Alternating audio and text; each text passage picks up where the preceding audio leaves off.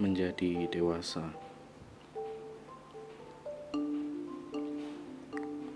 Dewasa nggak selalu identik dengan usia, kata orang sih gitu.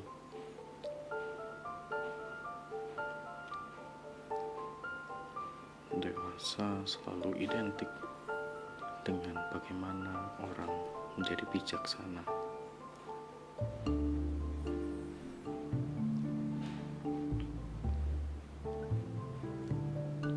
Menjadi dewasa berarti mengerti konsekuensi di balik pilihan.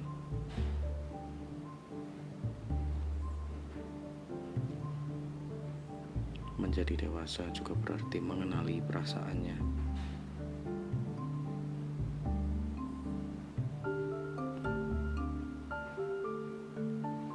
Menjadi dewasa itu tidak cepat.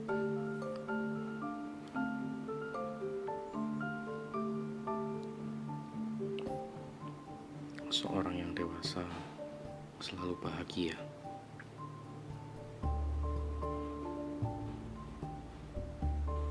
Bahagia karena dia bisa merasakan senang. Bahagia karena dia bisa merasakan sedih. Bahagia karena dia bisa menjalani konsekuensi.